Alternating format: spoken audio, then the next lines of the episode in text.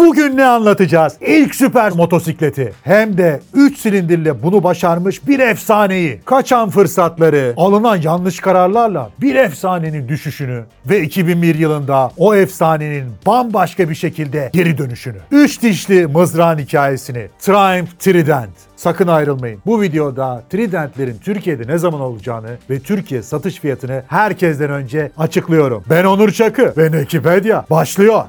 Triumph markasına genel olarak bakacağımız, Triumph'ı anlatacağımız bir video zaten yapacağız. Ama bugünkü ana konumuz Triumph Trident. Ama tabii bu modelden bahsediyorsak geçmişe gitmek kaçınılmaz. 60'lı yılların sonunda İngiliz motosikletleri iki silindirli motorlarıyla dünyayı kasıp kavuruyordu. Fakat daha fazla performans isteği motosikletin doğasında var. Her zaman diyoruz ya motosiklet yarışı ikinci motosikletin üretimiyle beraber başladı diye. Bu da tam olarak öyle işte. 60'ların sonlarında özellikle Amerikan pazarında daha performanslı motosiklet görmek isteyen tüketiciler paraları hazır bekliyordu. İngilizlerin ise bu fırsatı kaçırmaya pek niyeti yoktu hani. 62 yılında Triumph ve aslında birçok farklı şirketin çatı şirketi diyebileceğimiz BSA kolları sıvadı. Amaçları belliydi. Ürettikleri iki silindirli paralel twin motorların yarattığı titreşimi söndürebilecek ama 4 silindirli gibi etli butlu olup da motoru hantallaştırmayacak 750 cc'lik bir sokak motosikleti üretmek.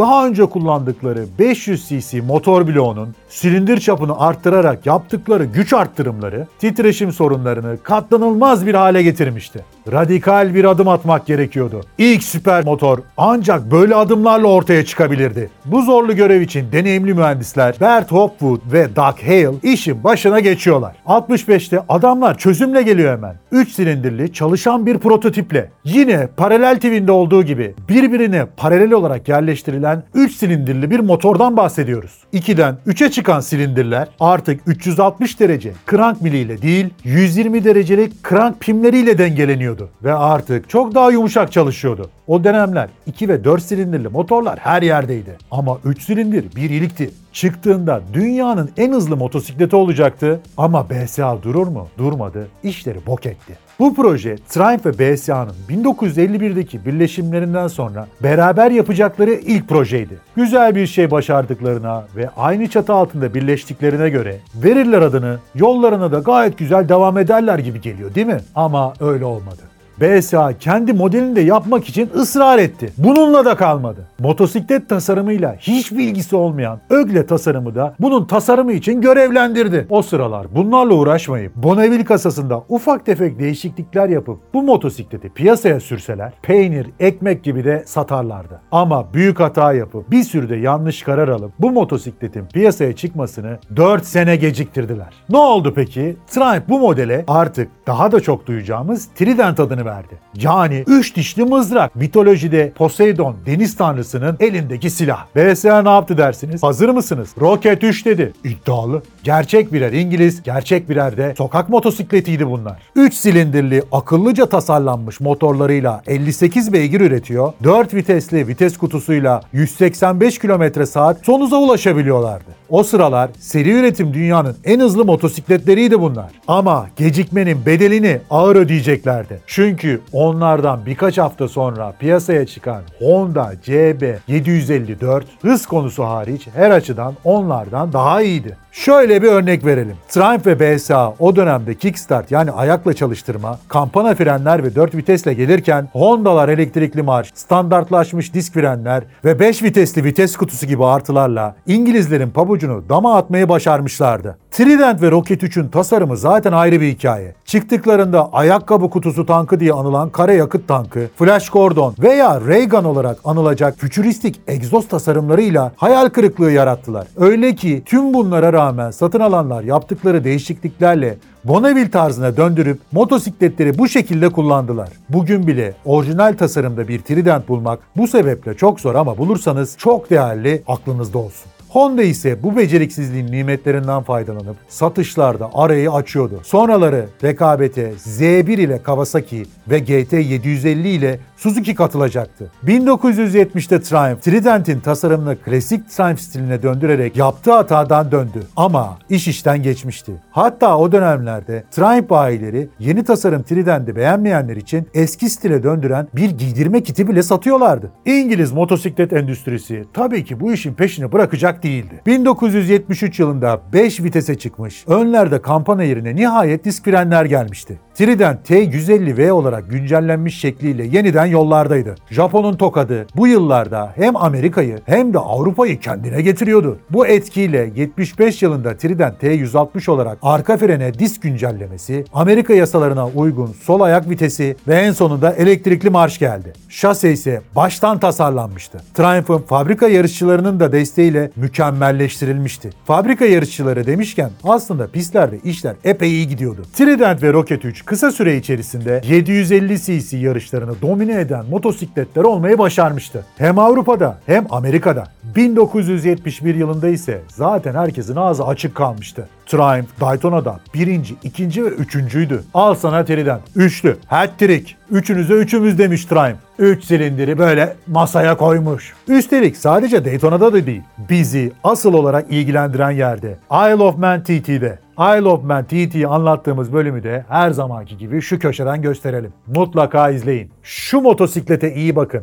Adı Slippery Sam. Slippery Sam, Isle of Man'de ilk göründüğünde daha ilk yarışında dördüncü olarak herkesi şaşırttı. Fakat asıl olay sonrasındaydı. Bu motosiklet 1971'den 75'e kadar Isle of Man TT birincisiydi. Kral, İngiliz kralı. E ben de Sir olayım o zaman. Ama boksör.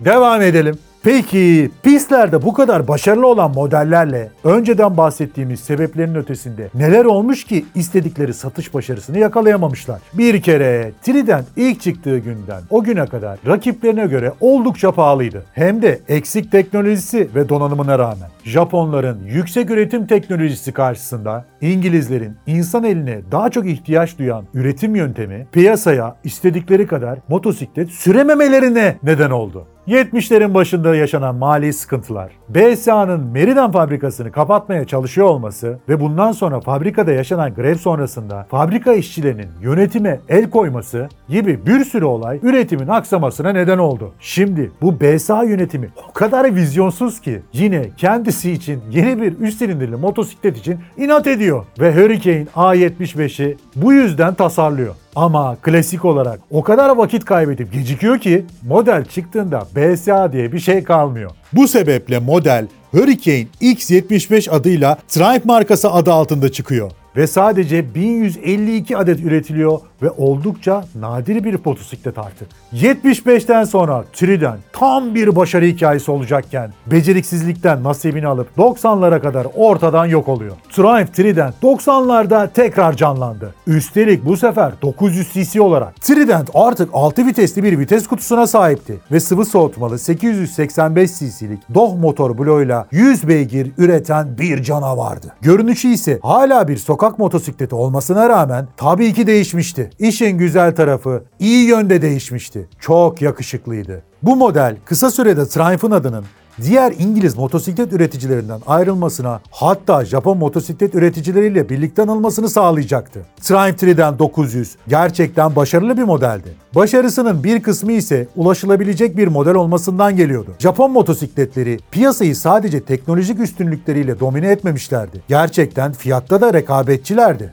İşte Triumph bu modelle kendi sınıfının altında bir fiyat etiketi yaratmış, peynir ekmek gibi satmak için fırsatı yakalamıştı. Bunu yapabilmesinin bir diğer sebebi de aynı modele bir kardeş üretiyor olmasıydı. 749 cc'lik kardeş, ulaşılması daha da kolay olan bir modeldi tabii ki. Triumph Trident'in ikinci nesli de 1998 yılına kadar üretime devam etti ve sessizce piyasadan kayboldu. Ta ki bugüne kadar. Triumph Trident 2021'in en çok konuşulan motosikletlerinden biri olmak için hazır. Aslında yeni Triumph Trident'in Yamaha MT-07 ya da Suzuki SV650 gibi modellerin karşısına konumlandığını söyleyebiliriz. Bu alana çok güçlü ve çok önemli bir rakip gelmiş oldu. Fakat Triumph Trident'in üst silindirli motoru onu hemen diğerlerinden ayırıyor. Çok daha özel bir makine haline getiriyor. Bu noktada Trident ile yarışabilecek bir model yok. Üstelik 90'lardaki stratejiye benzer olarak Trident'in segmentindeki motorlara göre fiyatının oldukça rekabetçi olması bekleniyor. Onu da birazdan açıklayacağım. Şimdi bakalım bu Trident nasıl bir motosiklet?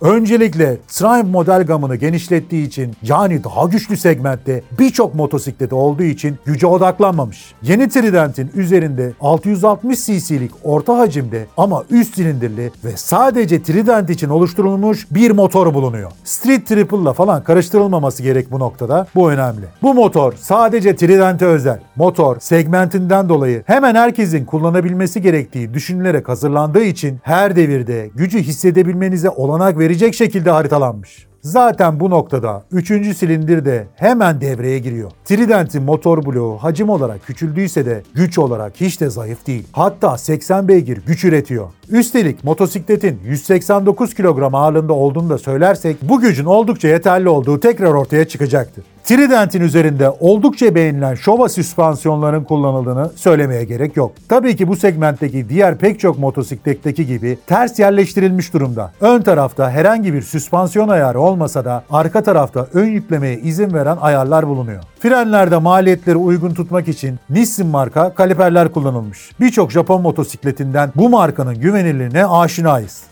Ön tarafta tabii ki çift disk üzerine 4 pistonla ABS'nin de standart olduğunu söylemeye gerek yok sanıyorum. İşin koptuğu nokta ise geri kalan her şey. Triumph hiçbir şeyden kısmamış. Ride by Wire yani elektronik gaz ve hazır bunu eklemişken tabii ki sürüş modları mevcut. Yine traction control yani çekiş kontrolü de standart olarak var ve sürüş modlarına göre hassaslığı değiştirilebiliyor.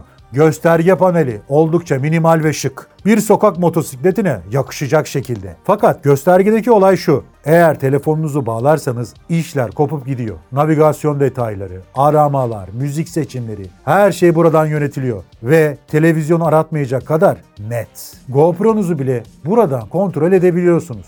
Zaten buna da diğer Triumph modellerinden alışığız.